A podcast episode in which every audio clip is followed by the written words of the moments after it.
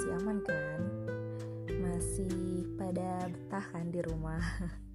Kalau nggak betah kalau udah mulai terusik gitu kenyamanannya carilah kegiatan-kegiatan yang bisa membangkitkan lagi kebetahan itu. Kebetahan katanya biar lebih betah aja di rumah gitu cari kegiatan-kegiatan baru yang sebelumnya belum pernah dilakukan. Coba apa gitu. Kalau sekarang aku lagi rajin masak sih lagi coba menu-menu baru. Menu baru yang ada di internet sih lebih tepatnya. Ya walaupun kadang rasanya agak-agak ya karena kan asal comot aja gitu kan. Selamat menikmati waktu luang kalian.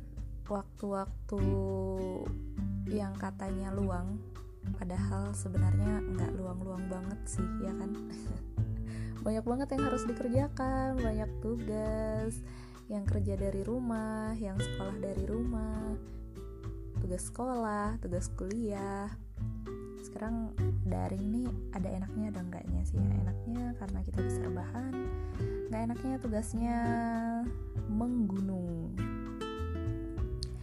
Atau kalian masih ada yang di kos masih ada. Yang di kos nggak bisa pulang kampung. Atau emang nggak mau pulang kampung karena takut membawa malapetaka? Aku juga masih di kos sih. Semangat ya buat kalian yang masih di kos. Banyak kegiatan kok yang bisa dilakukan. Salah satunya macam-macam gaya rebahan. Apa sih?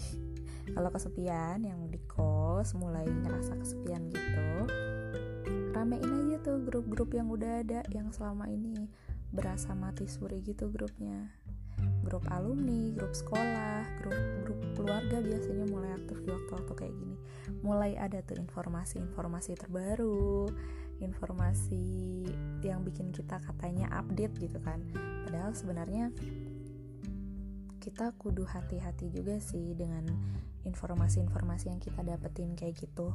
Ya walaupun jatuhnya kita dapat banyak informasi ya tapi banyak informasi itu kan nggak menentukan bahwa informasi yang kita dapetin itu bener gitu. Apalagi sekarang lagi boomingnya hoax gitu kan. Nggak boomingnya juga sih udah lama sih hoax itu ada.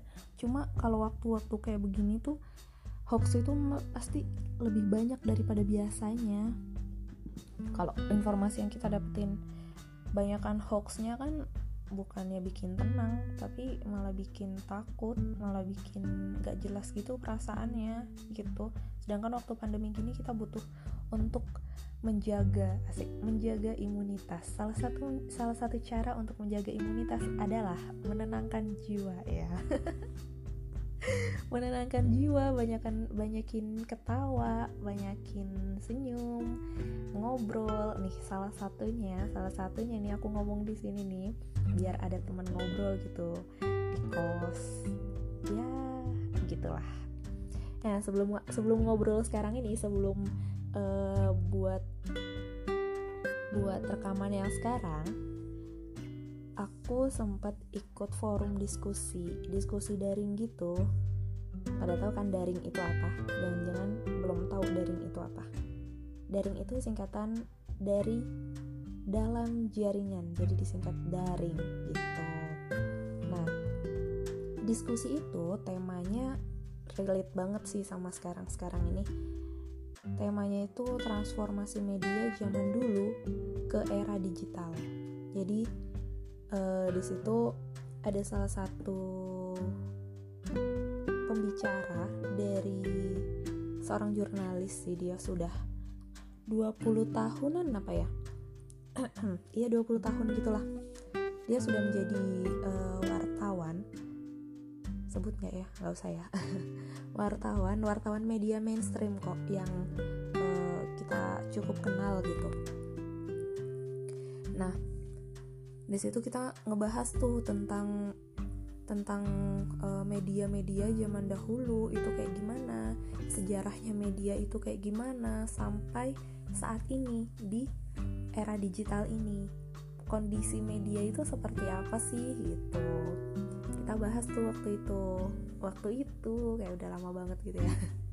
Padahal baru beberapa hari yang lalu sekitar mungkin dua hari tiga hari yang lalu lah. Apa sih bedanya gitu media zaman dulu sama media di era digital ini? Sedikit sedikit apa ya? Sedikit yang aku ingat sih.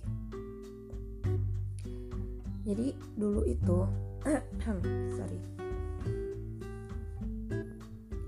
dulu media itu adanya kayak koran, TV, majalah, radio, kayak gitu kan. Kayak uh, sesuatu yang sifatnya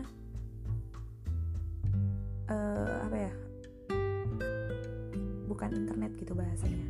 Kayak kalau sekarang kan banyak kan banyak kan eh, media-media digital gitu kan. Kalau dulu media digital itu jarang banget gitu. Sekarang lebih banyak kan media digital Nah kalau kalau dulu itu orang-orang jurnalis sih lebih tepatnya mengumpulkan berita untuk untuk uh, rilis rilis berita itu bisa sampai antara 3 sampai 10 harian gitu. Mereka baru berani untuk rilis gitu. Bukan berani sih, baru bisa gitu untuk rilis. Untuk rilis si berita itu. Kenapa? Kenapa bisa selama itu? Tapi dulu itu bukan waktu yang lama, itu waktu yang terbilang normal. Masih ingat gak sih dulu di TV gitu kan? TV A, TV B, TV C kayak gitu. Ada TV-TV yang update ada TV-TV yang uh, agak selang sehari dua hari baru ngebahas itu. Di samping mereka pasti punya jadwal ya untuk ngebahas udah punya uh, timeline udah punya tema gitu. Apa aja yang mau dibahas hari satu hari dua hari tiga dan lain-lainnya. Tapi itu juga berpengaruh dari seberapa besar media tersebut gitu seberapa besar uh, apa namanya yaitu media yang menyampaikan menyampaikan si berita itu. Semakin besar semakin besar perusahaannya maka semakin luas jaringannya semakin cepat dia mendapatkan informasi semakin cepat dia mendapatkan data maka semakin cepat juga dia bisa memberikan informasi itu ke kita kita ke masyarakat dulu biasa banget tuh 3 sampai 10 harian gitulah intinya antara biasanya satu mingguan sih untuk mengumpulkan berita. Ini informasi yang didapat ya bukan dari aku. Untuk uh, mengumpulkan berita sampai bisa di di apa dirilis gitu kan. Bisa disampaikan kepada masyarakat. Ngumpulin berita dari ngumpulin data mengolah datanya verifikasi sampai dinyatakan kalau berita itu benar gitu. Artinya nggak hoax. Zaman dulu kan bahkan aku masih ingat 10 tahun yang lalu aja kita jarang banget tuh ketemu hoax gitu. Tapi makin ke sini makin hoax tuh makin makin bertebaran makin menjamur. Kayak rasanya pusing gitu kan. Ini sebenarnya yang mana sih yang bisa yang harus kita percaya gitu oke balik dulu ke waktu rilis berita tadi ya nah kalau sekarang kalau sekarang eh, media-media online, media daring gitu bahasanya ya yang kita bisa temui di Instagram, di apa di portal-portal media, website media kayak begitu gitu. Mereka bahkan punya target untuk rilis itu sekitar 3 sampai 4 jam dari dari munculnya kasus gitu, dari adanya isu gitu. Mereka harus harus sudah bisa harus sudah bisa uh, rilis berita itu dalam waktu sesingkat itu bahkan nggak sampai 24 jam. Jadi pada ngebut nih kejar-kejaran mereka cepet-cepetan cepet-cepetan rilis berita. Nah, bisa kan dibayangkan dalam waktu sekejap itu berapa banyak data yang bisa mereka kumpulkan seberapa banyak uh, apa namanya seberapa bisa mereka untuk mengobjektifkan data itu gitu. Sedangkan data itu kan perlu dikumpulkan kan perlu dikumpulkan dulu abis itu di, dicari intisarinya. Baru bisa dikatakan kalau uh, data itu tuh objektif gitu. Maksudnya data itu bertebaran gitu kan. Nah untuk mengumpulkan itu harusnya harusnya dikumpulkan dulu terus diambil intisarinya baru disampaikan ke masyarakat gitu baru dirilis gitu. Sedangkan sekarang kan nggak kayak gitu kan. Asal asal ada oh ada informasi A ya udah langsung di uh, tulis tuh beritanya. Informasi A informasi B informasi C. Itu juga sempat jadi bahan diskusi kita kemarin nah apa apakah yang kayak begitu tuh salah nggak sih? Atau boleh nggak kayak gitu? Mendapatkan informasi sedikit atau ada informasi yang belum belum lengkap nih informasinya datanya belum lengkap tapi udah dibuat berita. Boleh nggak sih? Ternyata boleh loh kayak gitu. Ternyata boleh. Itu yang disebutkan dengan aduh aku lupa. Subjektivitas yang objektif kalau nggak salah ya kalau salah mohon dikoreksi ya kasih tahu. Ntar benernya kayak gimana. Nah jadi uh, jurnalis itu harusnya bisa melihat berita itu secara objektif gitu. Secara secara apa adanya apa adanya sesuai dengan apa yang terjadi gitu kan. Nah apa sih yang dimaksud dengan subjektivitas yang objektif? Se subjektivitas yang objektif itu artinya subjektif eh apa yang kita terima atau data data yang kita terima atau yang berasal dari subjektifnya kita kita itu anggap aja uh, jurnalis gitu ya. Tapi itu beneran ada. Nah itu dikatakan subjektif yang objektif karena itu subjektif subjektifku gitu sebagai seorang jurnalis tapi itu objektif karena dia beneran ada gitu. Gini deh simpelnya kayak gini kalau dari penjelasan kemarin ya, yang paling aku inget jadi contoh nih ada gajah gitu. Kasus pencurian contoh. Nah anggap aja kita umpamakan nih kasus pencuriannya gajah gitu.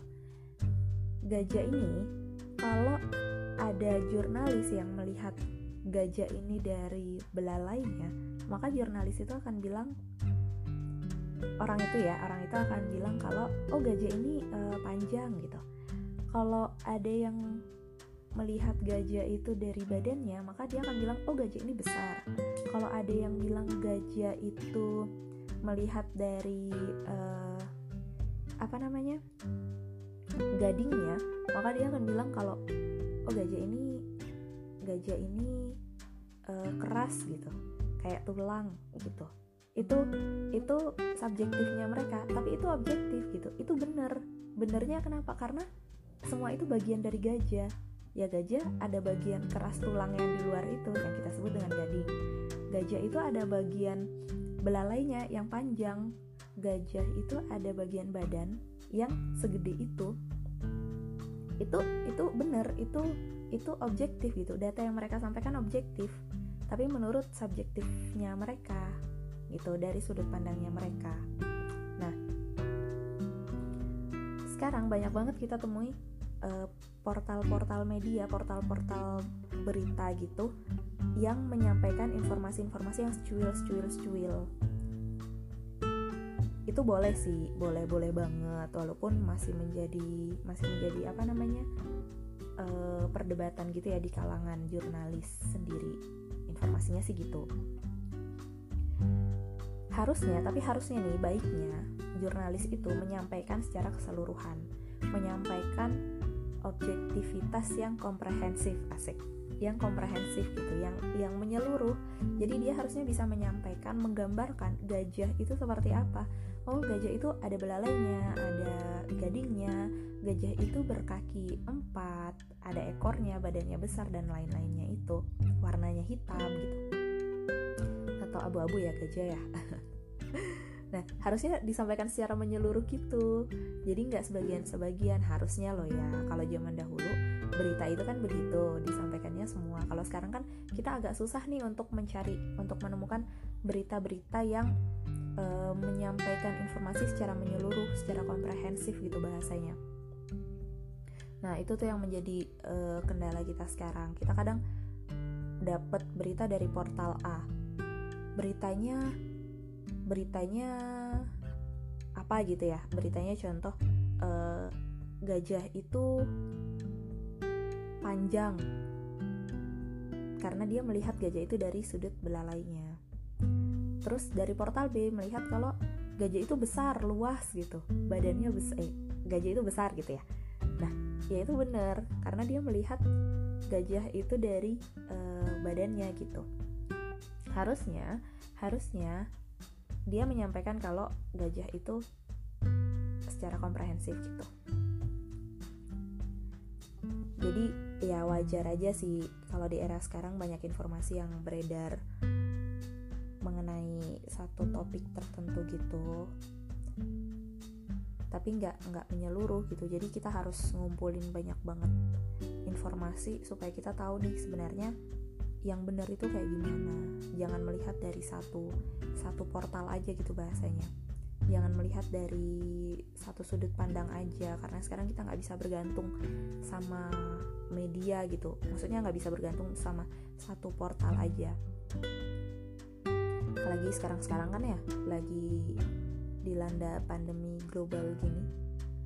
Banyak banget kan kita dapat info dari sini dari sana dari situ. Tapi nggak tahu yang benar yang mana jangan-jangan informasi yang kita dapetin tuh hoax gitu. Nah terus gimana dong caranya untuk kita menghindari hoax itu? Gimana hayo? Dari diskusi kemarin salah satu cara untuk kita menghindari hoax menghindari uh, berita bohong gitu kita bisa melakukan yang namanya uh, verifikasi. Verifikasi apa? Klarifikasi ya. Verifikasi dari setiap informasi yang kita dapetin itu. Contoh kita dapat uh, informasi nih dari portal A. Nah kita nggak boleh tuh langsung langsung percaya gitu aja. Nggak boleh langsung mengiyakan uh, informasi yang kita dapetin dari portal A itu. Apalagi mungkin informasinya cuma secuil gitu.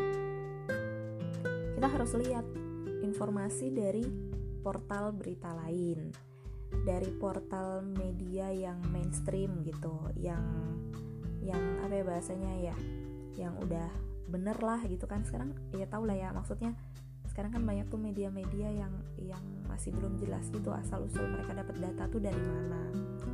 Tapi kalau media-media mainstream kan mereka udah jelas gitu. Mereka dapat dapat informasi itu dari mana gitu.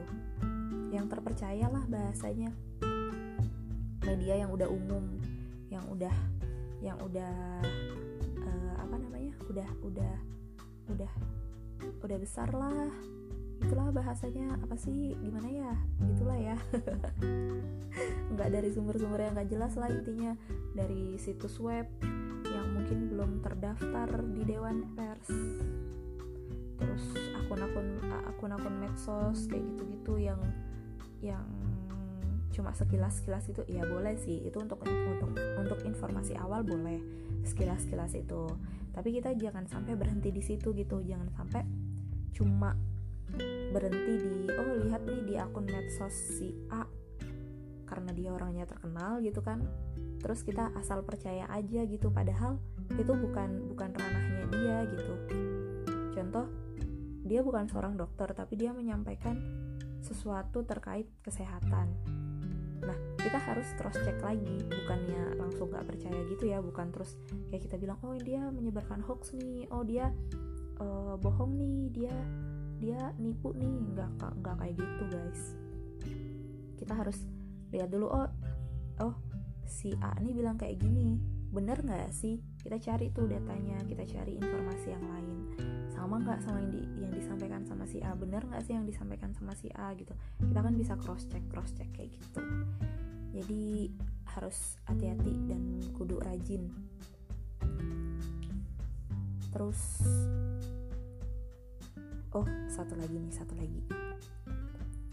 Ini informasi yang aku cari sendiri sih. Aku cari sendiri sih. Uh, mungkin teman-teman bisa cross check ya data terakhir nih tahun 2017 eh 2017 lagi 2019 sih dapatnya. Yang 2020 aku cari nggak ada. Nggak nemu mungkin kalau yang nemu bisa kasih tahu ke aku ya nanti.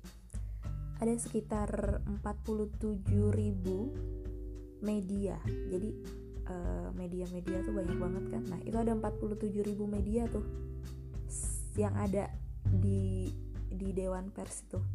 Yang yang yang apa ya yang adalah yang beredar gitu ya bahasanya. Nah yang terverifikasi di Dewan Pers itu baru 2400-an ya mungkin ada peningkatan kalau sekarang mungkin sekian persen gitu. Tapi bisa kebayang gak sih? 2019 sama sekarang 2020 anggap aja udah setahun ya. Anggap aja udah setahun. Nah setahun yang lalu itu dari 47 ribu media itu baru 2400 yang terverifikasi bisa kebayangkan masih ada 41.600 media yang belum terverifikasi. Nah, kenapa? Kenapa dia belum terverifikasi? Mungkin uh, dari proses administra administrasi dan lain-lainnya itu mereka masih belum memenuhi atau apalah mungkin persyaratan-persyaratannya mereka belum memenuhi. Nah, yang perlu diketahui salah satu hal yang membuat media itu terverifikasi adalah media itu tidak tidak menyebarkan hoax. Media itu tidak menyebarkan hoax. Terus habis itu media itu uh, menjaga kode etik kan jurnalistik itu ada kode etiknya ya. Aku kurang tahu sih karena aku bukan bukan di ranah situ. Tapi setauku ada kode etiknya. Nah nggak tahu tuh kode etiknya apa aja. Terus uh, tidak apa ya tidak menyinggung sara kayak gitu. Nah kan ada kemungkinan tuh kalau dari 47 ribu eh berapa tadi yang belum terverifikasi? 41.600 ya yang belum terverifikasi itu. Bisa jadi mereka memang enggak terverifikasi gitu atau ada sebagian yang enggak terverifikasi. Kenapa? Karena mereka mungkin menyebarkan hoax uh, melanggar kode etik mungkin atau apa pun lah syarat-syarat yang menjadi media yang baik dan benar tuh gak terpenuhi gitu sama mereka. Nah yang kayak begitu-begitu tuh kita harus harus hati-hati kita harus uh, waspada lah ya. Sumber-sumber berita mana aja yang yang bisa kita percaya yang bisa kita buat acuan. Walaupun tetap sih balik lagi kita nggak boleh mengandalkan satu satu portal aja satu media aja nggak boleh. Kita harus tetap nyari tuh. Kita harus tetap uh, melihat. Informasinya sama nggak sih sama yang lain? Informasinya relevan nggak sih? Informasinya uh, ada keterkaitan nggak? Nyambung nggak? Gitu gitulah pokoknya. Udah ya kayaknya udah cukup deh. Itu dulu.